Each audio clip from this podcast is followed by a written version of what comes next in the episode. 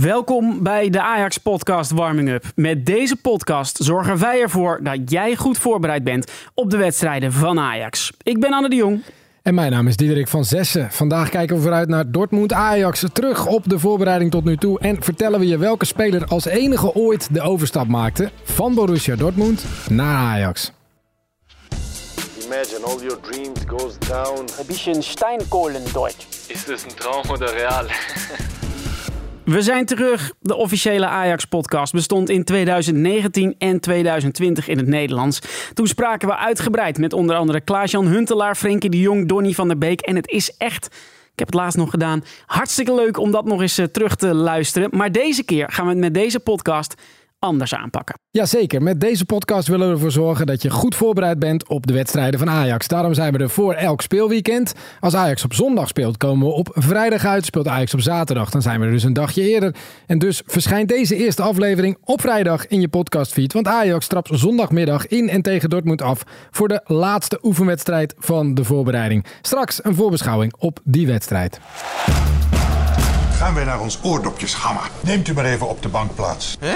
Suarez nooit zit op de bank. Nou, We willen je graag een beetje laten wennen aan de opzet van de nieuwe podcast. Het kan ook zomaar zijn dat je in de vakantieweken niet alle Ajax-content hebt kunnen volgen. Geen nood. Iedere week maken we een lijstje. En deze week mocht Diederik hem maken. Ja, als je het hebt over die Ajax-fans die alles proberen in de gaten te houden. Nou, die zijn deze zomer zeker weten aanwezig. En ik zie ze op alle Ajax-platforms terugkomen. Op het badlaken, in de hotelbar, voor de caravan. Overal zitten ze volgens mij de Ajax-kanalen te checken.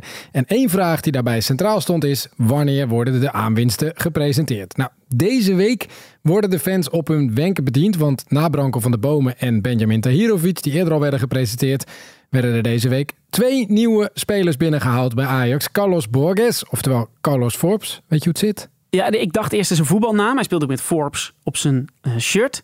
Maar dat is volgens mij gewoon zijn twee. Hij heeft twee achternamen: Ja. Forbes, Borges, moeder, vader, zoiets. Ja, net zoals Maduro Timber ooit Ja. de switch was. Hij kiest nu voor Forbes. En sinds vandaag, vrijdag, is hij officieel speler van Ajax. Gisteren maakten we al kennis met de nieuwe Duitse doelman Diant Ramey. Hoe is jouw Duits, Anne? Es ist ein beetje, bisschen Steinkohlendeutsch. Op de vraag wat eh, Diant dacht toen Ajax hem belde, antwoordde hij namelijk... Ist es ein Traum oder real? Kon je dat wel verstaan? Ja, is het een droom of werkelijkheid? En dat is, denk ik, precies de reactie die ik zelf zou geven als Ajax zou bellen.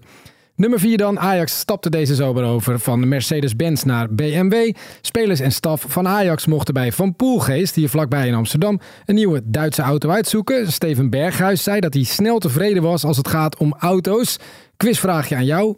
Wat denk je dat Berghuis aan zijn auto, van zijn auto verwacht? Wat stelt hij voor eis? Voetballers, auto's, Berghuis, familieman. Ik zeg eh, comfort. Comfort, comfort, comfort. Laten we Lekker luisteren. zitten. Laten we luisteren. Dus iets hoger wou ik wel. Voor als ik afstand ga rijden met kinderen vind ik wel belangrijk. De achteruit de spiegel vind ik wel belangrijk.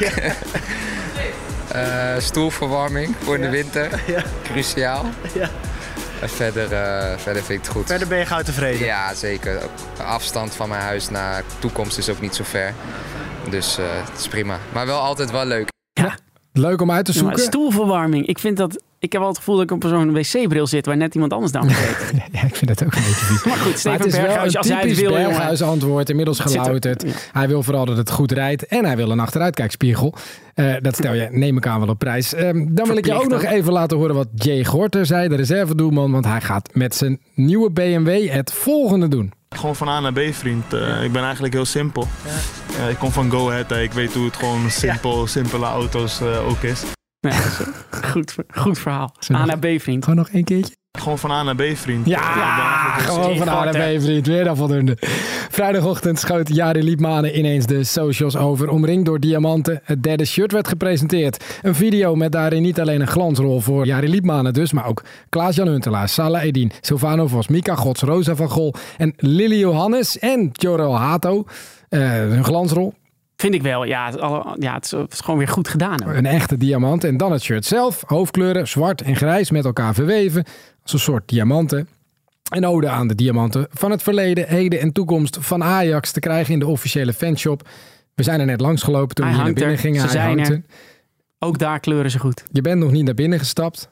Nee. Je kunt hem ook halen op ajax.nl slash shop. Dat ga je doen. En welke bestel je dan? Een emmetje. Ja, toch gewoon een emmetje. Ja, is mooi. Hij is mooi. Nummer twee. Woensdag werd er een persbericht gestuurd vanuit Ajax. De Raad van Commissarissen heeft het voornemen Alex Kroes te benoemen als algemeen directeur en directievoorzitter.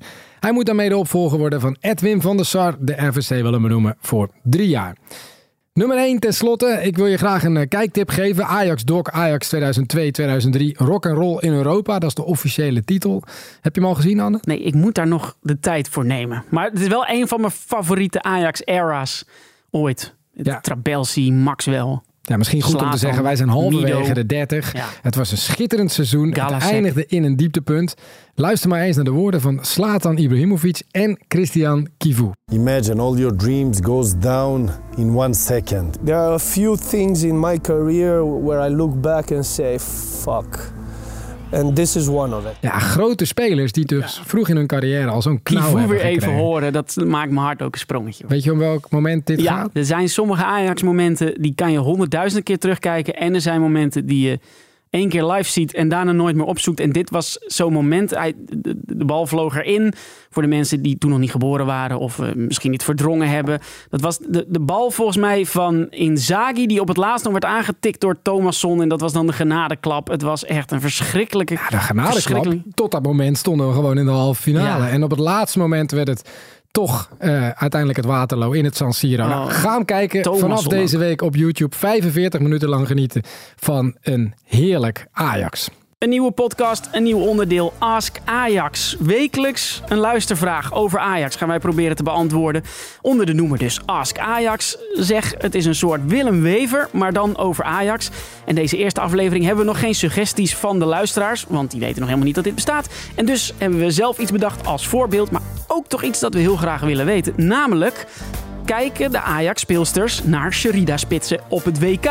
Want de volgende wedstrijd in de achtste finale is midden in de nacht. Het is al de tweede keer, tegen Amerika was dat ook zo. En zetten dan die speelsters een wekker om Sherida-spitsen daar te kunnen zien spelen.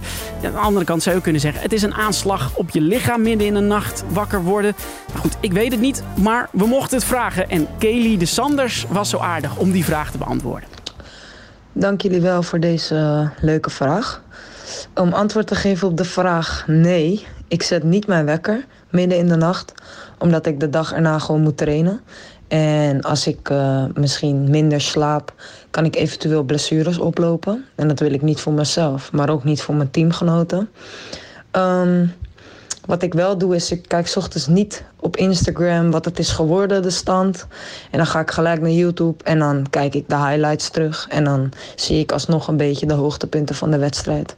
En zo support ik ook eh, mijn teamgenoot Sherida Spitsen, die daar eh, een topprestatie aan het eh, afleggen is.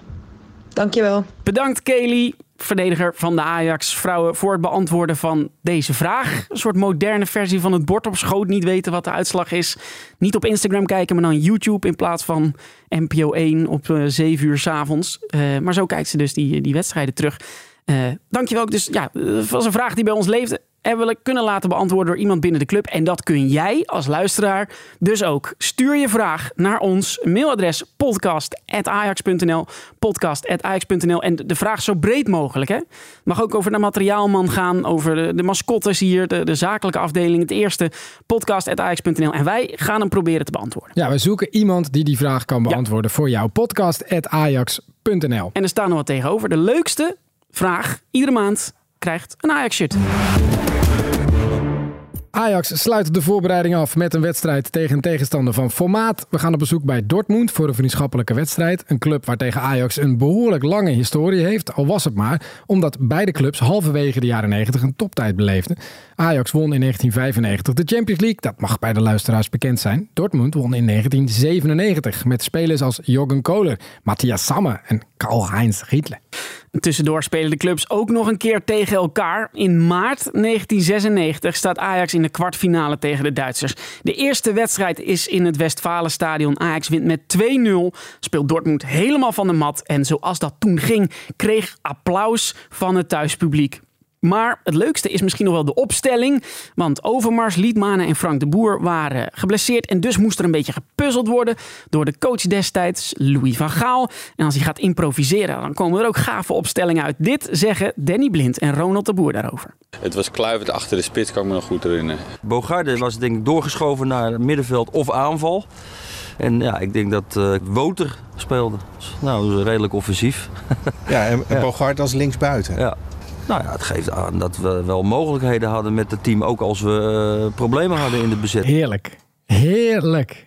Wat een tijden. Datzelfde kun je natuurlijk zeggen over de laatste twee ontmoetingen tussen Ajax en de BVB. Twee seizoenen geleden won Ajax uit met 1-3. En een paar weken eerder al thuis in een galavoorstelling met 4-0 op Ajax Radio klonk het toen zo. Oh, wat is het lekker. Als Ajax even loopt, dan kan het zomaar ook 4-0 worden. Klaas heeft hem alweer terugveroverd. Ja, Ajax moet gewoon zelf blijven voetballen. Dan is het echt helemaal nergens Borussia Dortmund. Basraoui weer getrapt, maar Ajax mag verder. Voordeel gegeven, Tadic blind op de achterlijn nu. Basraoui ligt daar nog steeds. Haller, tweede pauw, Haller komt en dan komt ja. er binnen. Het is 4-0, Sebastian Haller. Met zijn zesde in de Champions League. Zo, wat een heerlijke herinnering. Wat herinner jij nog van die avond, Anne? Nou, ik gebruik deze wedstrijd heel vaak als voorbeeld van hoe goed Erik ten Hag was. Want het was een geweldige wedstrijd. Maar in het begin liep het niet helemaal zo.